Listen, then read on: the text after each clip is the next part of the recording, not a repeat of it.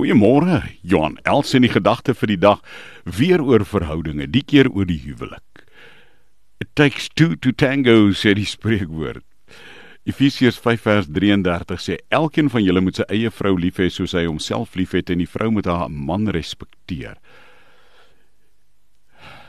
Hoe gaan dit met jou huwelik?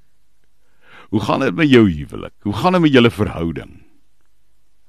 Wil julle nie, nie weer nuut begin? As die een by die ander verbyloop, as die een man net sê, "Pappa, mamma," hm, besluit om daagliks weer saam te bid. Sê elke dag weer iets moois vir mekaar. Moenie vergeet om lekker lepel te lê. Dink aan jouself as 'n span, nie net as 'n paartjie saam nie. Respekteer julle verskille. Eet ten minste een maaltyd 'n dag saam gee julle argumente wat julle het aan God oor in plaas daarvan om mekaar op te kerf. Ontwikkel 'n bietjie sin vir humor en lag meer. Identifiseer julle spesiale plek, julle spesiale songetjie. Wees nostalgies saam.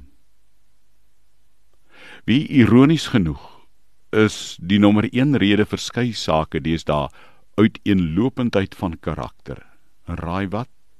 Julle is veronderstel in die huwelik om verskillend te wees. Wanneer twee mense met verskillende gawes besluit om vir mekaar lief te wees en na mekaar te luister, word hulle verskille 'n bron van krag eerder as 'n bron van swakheid. Die huwelik vat twee.